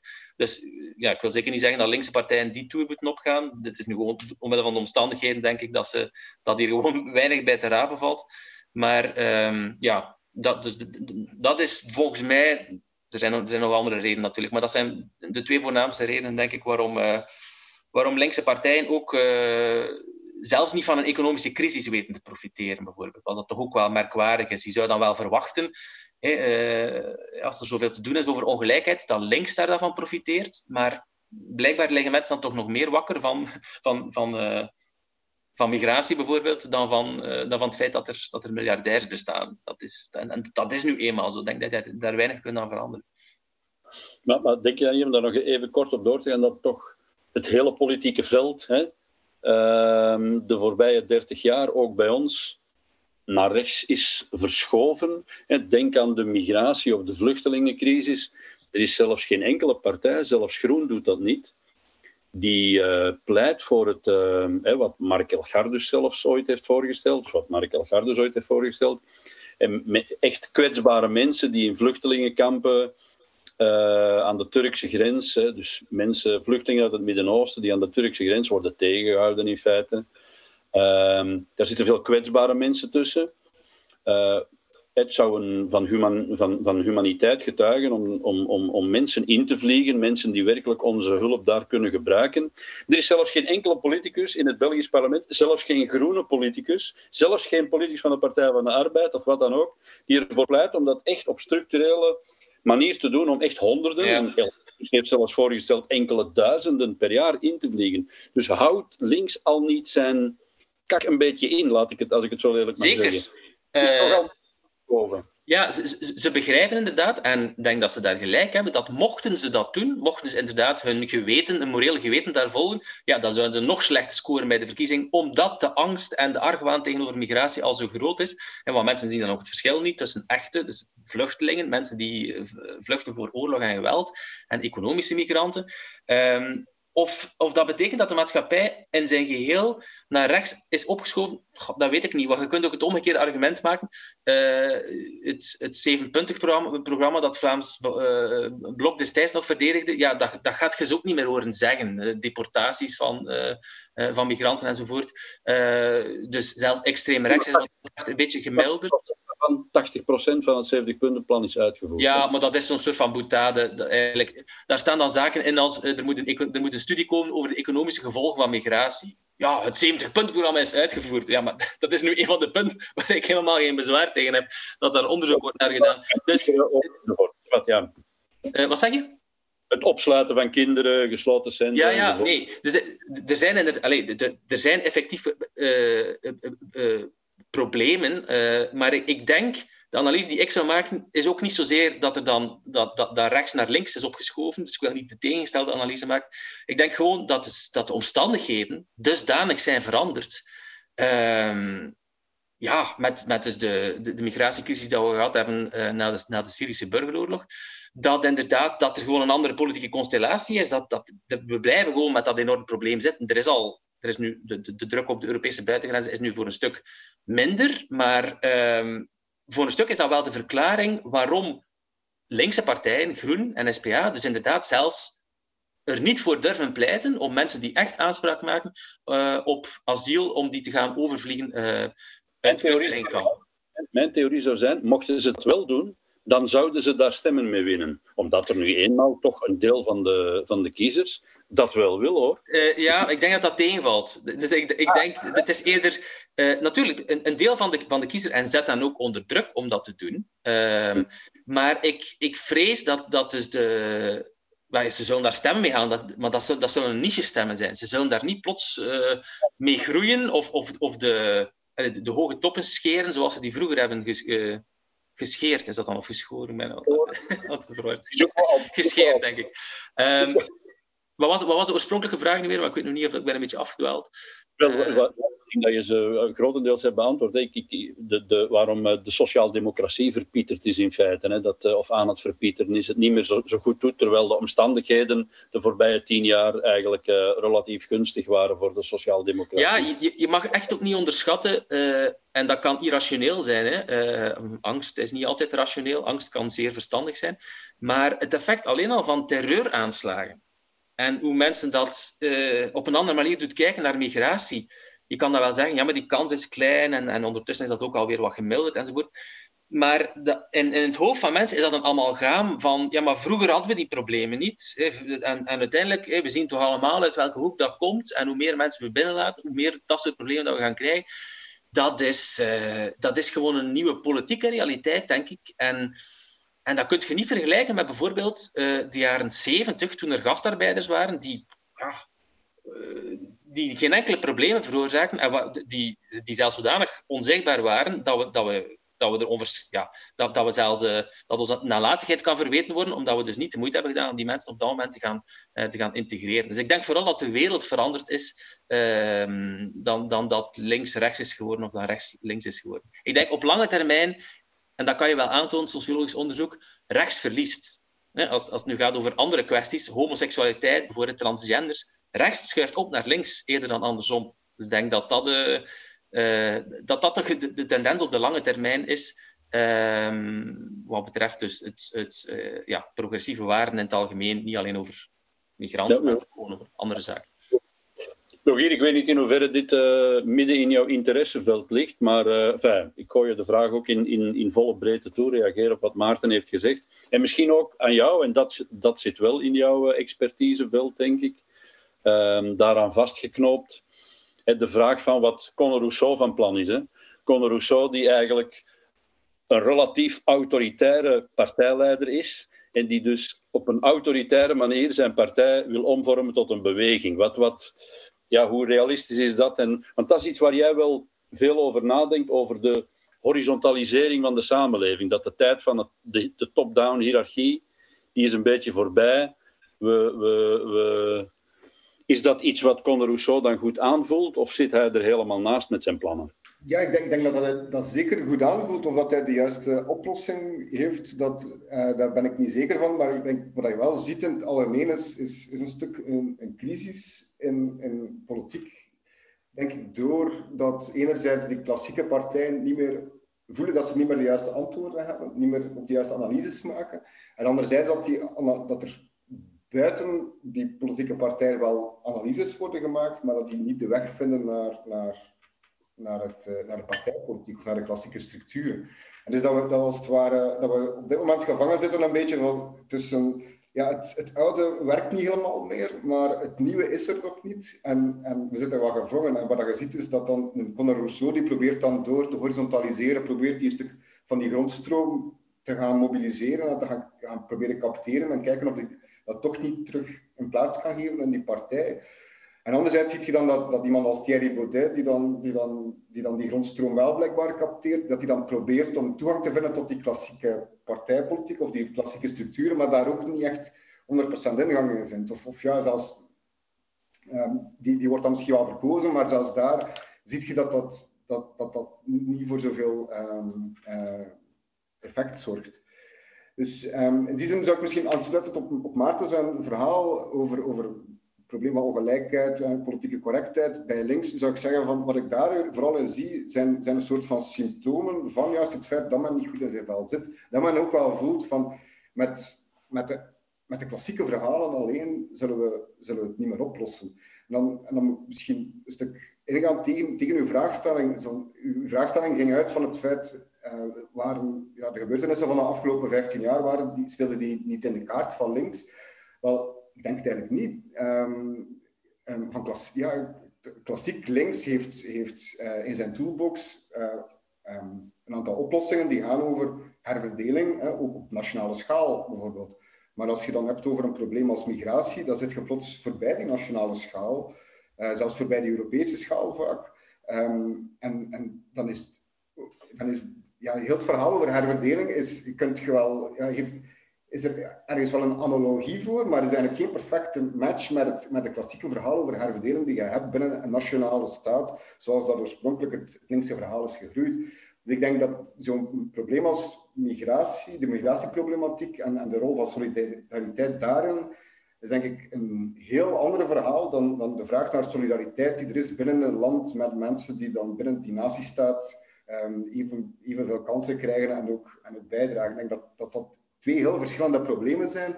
En dat het, dat het heel moeilijk is om het verhaal van het ene door te trekken naar het andere. En dat zie je ook bij de kiezer. Dus de kiezer die enerzijds um, heel klassiek links denkt uh, op vlak van nationale herverdeling en, sociale zekerheid, die zal misschien dan tegelijkertijd op vlak van solidariteit met, met niet-Europese vluchtelingen um, aarzelen en, en nood hebben aan een ander verhaal moeten kaderen.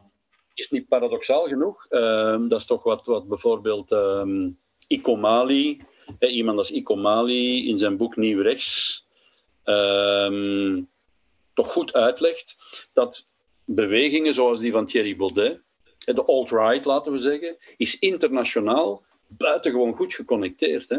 Over een krachtig digitaal netwerk gesproken. Hè? Waar ook uh, Schild en Vrienden, hè, die kerels van Schild en Vrienden, die zitten daar ook allemaal uh, goed ingelinkt.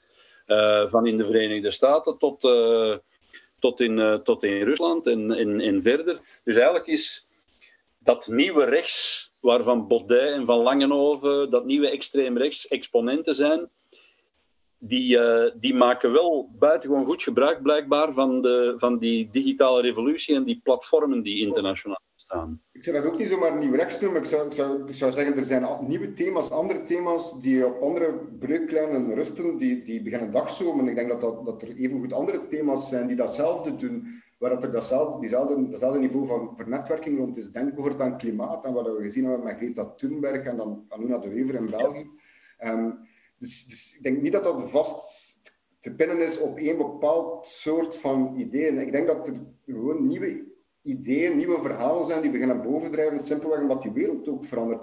Het soort van verhaal dat iemand als een Baudet brengt, dat is een verhaal dat heel sterk gegrond is binnen, binnen die globalisering. Maar die globalisering is ook maar de laatste 30, 40 jaar echt, echt uh, in de stroomversnelling gekomen.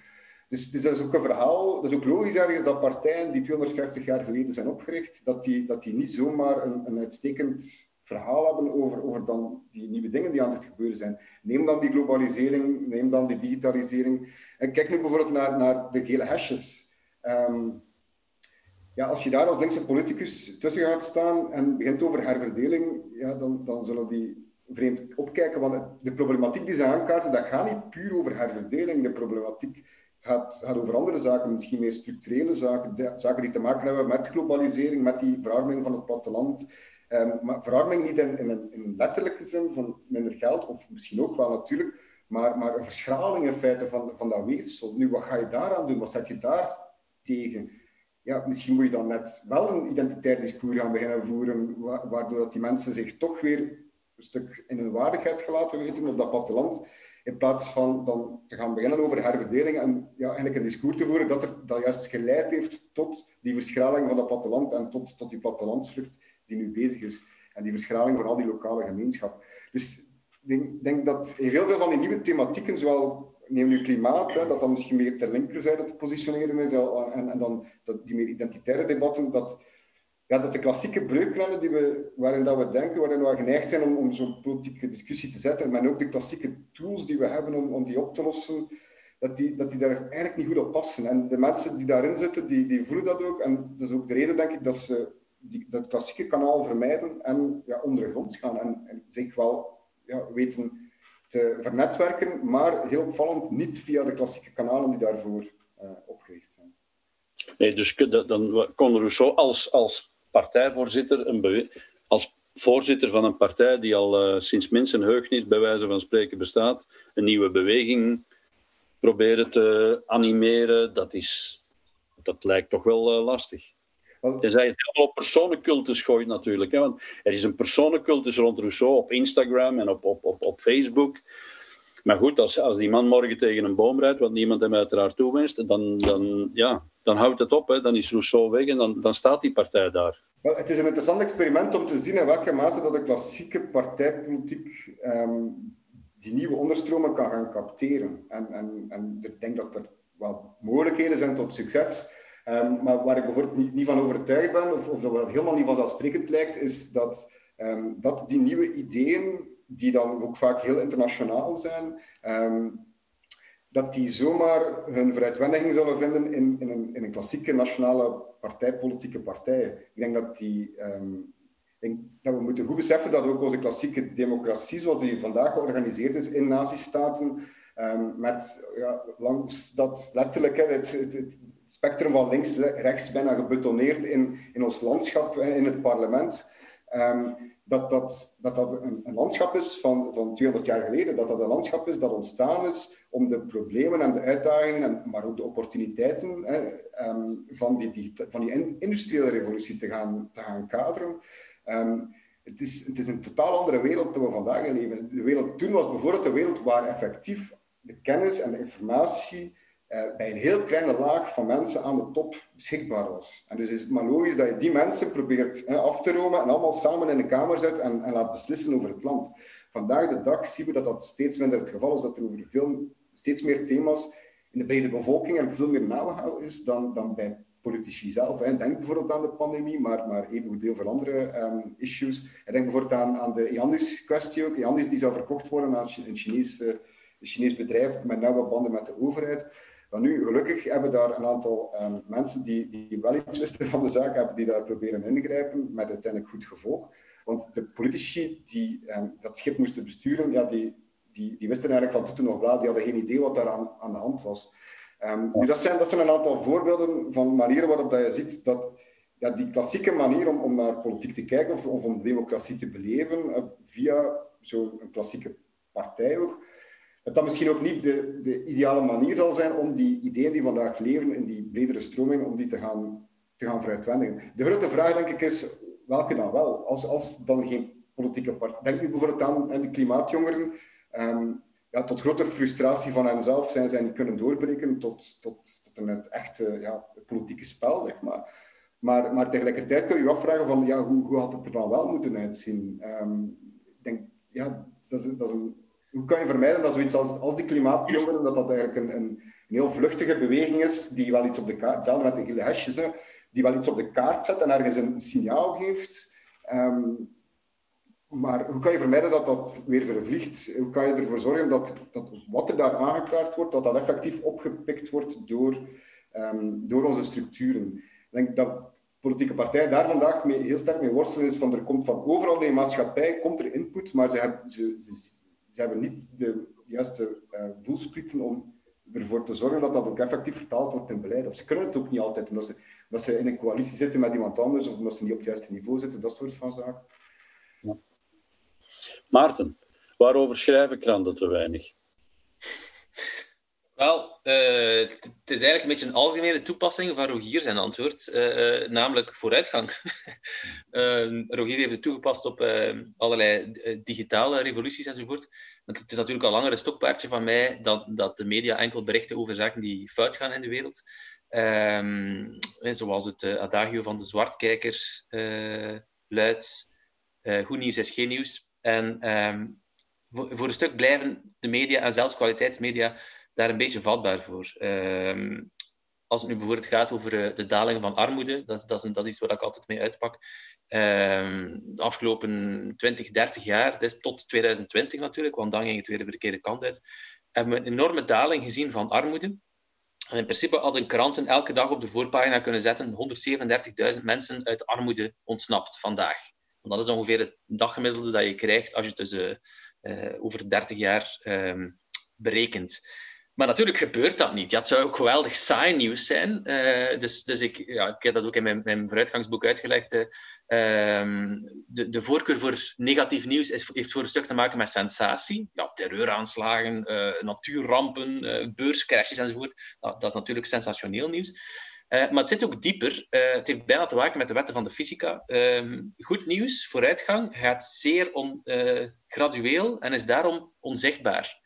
Dus die 137.000 mensen, die staan natuurlijk niet op een dag op uh, en, en, ontdekken van, tja, tja, ik ben niet meer arm. Um, dat gebeurt alleen maar als je de lotto wint of zo. Dat is zeer uitzonderlijk. Dus uit de armoede ontsnappen is een zeer gradueel proces. En als je daar niet bij stilstaat, als je daar geen cijferneukers en statistici op loslaat, dan merk je dat zelfs niet eens.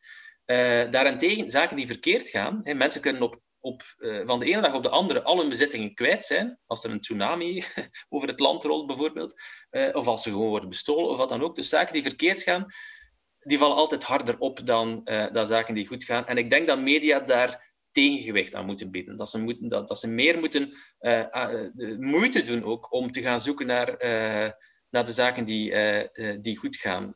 want het, het, het, het, grote verhaal, denk ik, voor, voor corona, voor mij als vooruitgangsdenker, is wat een verschrikkelijk wat een verschrikkelijke tragedie, want we waren net zo goed bezig. Ik wil niet zeggen dat alles perfect uh, aan de gang was of zo, maar als je kijkt naar de zaken die er echt toe doen, die misschien het allerbelangrijkste zijn, armoede, kindersterfte enzovoort, ja, dan zie je dat we, dat we wel, wel degelijk veel vooruitgang hadden geboekt en dat veel van die vooruitgang nu weer op het spel staat, dat we ja, letterlijk bijna twintig jaar terug in de tijd zijn gecatapulteerd, alleen door dat stomme virus. Uh, wat ben je aan het lezen? Wat ligt er op je nachtkastje? Uh, er ligt, eh, het enige wat op mijn nachtkastje is, is uh, Calvin en Hobbes. Dat is, ik, heb, ik heb een tijdje ja, geprobeerd om s'avonds nog wat in mijn bed te lezen, maar ik merk gewoon, alles wat ik lees in de tien minuten voor ik ga slapen, ben ik meteen weer vergeten. Dus ik, ik, ik sla niks op. Uh, dus, dus, in mijn bed ben ik, heb, ja, heb, heb, ik opgehouden met te lezen en daar lees ik alleen maar ja, echt zeer licht verteerbare zaken, zoals uh, Calvin en Hobbits. En dat is dan echt twee minuten of zo, lees ik een paar plaatjes en dan, uh, en dan dommel ik in. Dus ik lees, ik lees wel nog s'avonds. dus ja, als, als de vraag is, wat, wat lees je s'avonds, dan niet, niet op het nachtkastje, maar, maar gewoon in de zetel. een boek dat, dat ook hier misschien kent, of dat hem zeker al interesseren, het ook gaat over uh, digitale revoluties. Uh, Because Internet van uh, Gretchen McCullough, of McCulloch. Um, ja, e-, eigenlijk een linguiste die dus beschrijft hoe taal verandert door sociale media, door internet. En die voor een stuk ook tegengewicht biedt, biedt aan een beetje de, ja, de pessimistische betogen als ja, mensen kunnen geen rechte zin meer schrijven, onze aandacht is versnipperd enzovoort. En ze gaat dan ook historisch gaan kijken naar eigenlijk, dat is precies wat er over de telefoon werd gezegd. En de taal is er ook door veranderd, maar taal evolueert altijd. En ze gaat eigenlijk op een heel nieuwsgierige manier gaan kijken naar um, ja, de, eigenlijk hoe taal complexer wordt. Dus taal uh, takelt zeker niet af. Er, worden, er zijn gewoon nieuwe contexten. En je ziet hoe taal daar eigenlijk andere, ja, andere gedaantes aanneemt, omwille van bijvoorbeeld zoiets als uh, sociale media of, of ja chats, uh, functies enzovoort. Een heel fascinerend boek en, en, geweldig geschreven. Dat was ik dus gisteravond aan het lezen. Wie, wie ik moet interviewen, dat is Max Roser van Our World in Data. Ja, die, ja dat, is, dat is eigenlijk... Ik heb daar waarschijnlijk zelf nog nooit een interview mee gelezen, of misschien is in The Guardian. maar ja, dat is, dat, is, dat is een fantastische... Ja. ja, profeet van de vooruitgang. Alhoewel, het is, het is iemand die wel, omdat hij dus hij heeft die website. Hij gaat zich nooit echt mengen in politieke discussies, omdat hij daar voor een stuk ook wel boven staat. Hij wil, hij zeggen van, kijk, puur de feiten, de cijfers, de data. En daar kunnen we dan mee aan de slag om de wereld te verbeteren enzovoort. Dus je gaat hem zelden echt zo in... in uh, de enige keer dat ik hem, dat ik hem heb uh, gezien dat hij, dat hij zich een beetje aan het opwinden was, uh, dat hij kwaad werd ook, was tegen, hoe heet hij, um, die man die, die vaak over armoede schrijft. Um, je, hebt, je, hebt, je hebt een, bepaalde strekking binnen links die zegt dat, dat je geen economische groei hebt om, uh, om, om, uh, om ja, armoede te bestrijden. En dus als je ja, kijkt naar de cijfers, dan blijkt eigenlijk de grote remedie tegen armoede, eigenlijk het enige wat historisch gezien echt heeft gewerkt tegen armoede, is economische groei. En herverdeling is pas mogelijk als er economische groei is. maar ben nu de naam van die, van die denker kwijt. Um, Jay, nee, het is niet, niet Jason Stanley. Swat. Max Roser, inderdaad, die zou eens moeten geïnterviewd worden. Of William McCaskill. Dat is ook iemand ja, die, die, die heel sterk gericht is op het, het, vergaren van data en daar op een zo rationeel mogelijke wijze mee omgaan. vooral een voortrekker binnen de effectief altruïsme-beweging. En ja, dat is waar, daar, is, daar is er ook veel overlap tussen natuurlijk. Dus mensen die effectief al, altruïst zijn, die, uh, die dwepen ook met Our World in Data. En Max Roser, die heeft ook wel uh, linken met, of intellectuele verwantschap met die effectieve altruïsten. Ja, dus heel kort, effectieve altruïsten, dat zijn wereldverbeteraars die proberen om ehm, op zoek te gaan naar de meest effectieve, kostenefficiënte wijze om bijvoorbeeld uh, ziekte, armoede, uh, kindersterfte te gaan bestrijden. Uh, je, je, kan dat doen via donaties, je kan dat ook doen door de juiste carrièrekeuzes te maken enzovoort. het is eigenlijk om zo groot mogelijke impact te hebben op de wereld. En William McCaskill heeft daar een geweldig boek voor geschreven, Doing Good Better. Uh, ja, het, heeft een enorme invloed op mij gehad. Dus de, misschien het, enige boek dat mij echt ertoe gebracht heeft om mijn leven wat te veranderen. Uh, om dus ook mij dus, uh, in te schakelen binnen dat effectief altruïsme. Maar dat boek is niet vertaald en eigenlijk is veel te weinig bekend. Het is een Schotse filosoof die dus in Oxford doseert nu. Oké, we hebben nog een kleine tien minuten. Dus we hebben nog... Ik kan jullie allebei nog vijf minuten schenken om een onderwerp onder de aandacht van ons publiek te brengen. Um... Klimaat oplossen in 10 minuten? Kan dat? Eh? Ja, ja, maar, ja laten we, vijf minuten zelfs. Vijf, vijf minuten. ja. Vijf minuten. Ja. Jij wil well, ik, ik, zal, ik, zal, misschien een beetje inpikken op, op, wat de, op, op, op de discussie die, die, we al gevoerd hebben over wat, wat, kan eventueel de silver, silver lining zijn van deze crisis. Daar zullen we er ook iets van opsteken. Uh, wel, ja, in de eerste plaats natuurlijk denk ik, geloof ik wel dat we er iets zullen opsteken voor uh, toekomstige pandemieën. Uh, ja, zowel, wij hebben het daar een tijdje geleden over gehad. Stel, stel, dat er een scenario is waarbij dat er binnen 50 jaar een nog veel ergere pandemie op ons afkomt, ja, dan zal misschien het bilan van, van die, die twee pandemieën samen positief zijn als we hier voldoende van hebben opgestoken om ons te beschermen tegen die nog veel ergere pandemie. Want veel ergere pandemieën zijn zeker, zeker mogelijk. Dus dat is, dat is een eventueel uh, positief aspect van de crisis. Ik, ik, uh, ik geloof ook, en dan maak ik korte brug met, met, met het klimaat, uh, dat deze crisis, en dan vooral de manier waarop we ermee zijn omgegaan, ons wel toont waar het menselijk vernuft toe in staat is. Dus eerst zou je kunnen, ja, zeker de westerse wereld, uh, heeft ook allerlei ja, tekortkomingen en, uh, en, mankementen blootgelegd. Maar um, ja, wat we vandaag misschien ook weer een beetje vergeten, is dat dat, dat vaccin dat we nu hebben, of die meerdere vaccins, met meer dan 90% effectiviteit, dat is dus fantastisch. En dat was helemaal niet gegarandeerd. Um, voor, tegen HIV hebben we ook nog altijd geen vaccin. Um, dus als je ziet hoe lang het duurt in het, in, in het verleden om zo'n vaccin uh, te ontwikkelen en, en hoe lang dat nu heeft geduurd met het coronavirus. Als je ziet dat dus zelfs, in januari al was het volledige genoom van SARS-CoV-2 uitgelezen. En dat wat, wat dan eigenlijk het startschot was van de zoektocht naar een vaccin. Denk dat binnen twee, drie weken had Moderna al de, genetische code van dus het mRNA-vaccin uh, ontwikkeld. En dan zijn ze dat beginnen uh, testen enzovoort, en, uh, in, in, de verschillende fases. En nu hebben we dat vaccin, en het is nog gewoon een kwestie van dat uitrollen. Ja, dat is, dat is onvoorstelbaar eigenlijk. En daar put ik wel hoop uit uh, als ik dan bijvoorbeeld kijk naar zo'n probleem als klimaatopwarming. Uh, we, we, kunnen, ja, de mensheid kan veel verknoeien. Um, we kunnen ook problemen veroorzaken. De pandemie hebben we nu niet zelf veroorzaakt, het klimaat wel. Maar we, maar we kunnen ook heel veel oplossen. Als we de motivatie hebben als globale samenleving dan. Dus alsjeblieft, luister niet naar de mensen die zeggen uh, het, is, het is gedaan met de globalisering of zie je wel, het is de fout van de globalisering. Nee, nee, we hebben meer globalisering nodig. We moeten meer globaal samenwerken. Vaccinontwikkeling is, is bij uitstek iets, iets, iets uh, ja, dat uh, product is van globalisering. Dus ik geloof wel dat we ook wat, wat, wat het klimaat betreft, ja, dat we dingen kunnen gedaan krijgen en dat we, dat we dus een moonshot, zoals dat dan heet. Uh, Mariana Mazzucato heeft daar een, uh, een stuk over geschreven. Dus een econoom die pleit ook dat, dat de, de, de overheid met name, dat zij daar een leidende rol in speelt met dus de ontwikkeling van technologische innovaties om problemen op te lossen, bijvoorbeeld om het klimaatprobleem op te lossen. En wat dat betreft heeft ehm, de pandemie mij wel een, een, een, boost van optimisme gegeven over, ja, over, over de, waar wetenschap en menselijk vernuft toe in staat is als we, als we daar echt uh, een inspanning voor leveren. Een uh, buitengewoon klassieke eigenschap van een goed gesprek is dat het zeer frustrerend is om ermee te moeten ophouden. Maar we moeten dat hier wel doen. We moeten er een punt achter zetten. Ik dank Jos voor de inleiding, Maarten Boudry en Rogier de Lange voor hun aanwezigheid hier. Alle kijkers voor hun al dan niet trouwe kijkgedrag. Dit was de laatste aflevering van dit seizoen, maar Nagedacht komt terug na de zomer. Uh, en daarover verneemt u alles uiteraard op de website van De Warande. Te zijner tijd zult u daar de filosofische duo's kunnen aantreffen die vanaf dit najaar elke maand bij ons te gast zullen zijn. Misschien opnieuw in levende lijven als het een beetje meezit.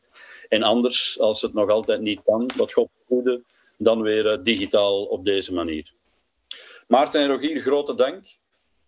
Een fijne verder een fijne verderzetting daar. En uh, zeker en vast tot bij een volgende gelegenheid. Uh, of misschien is tot in turnout in levende lijven. Ja. Salut. Nee.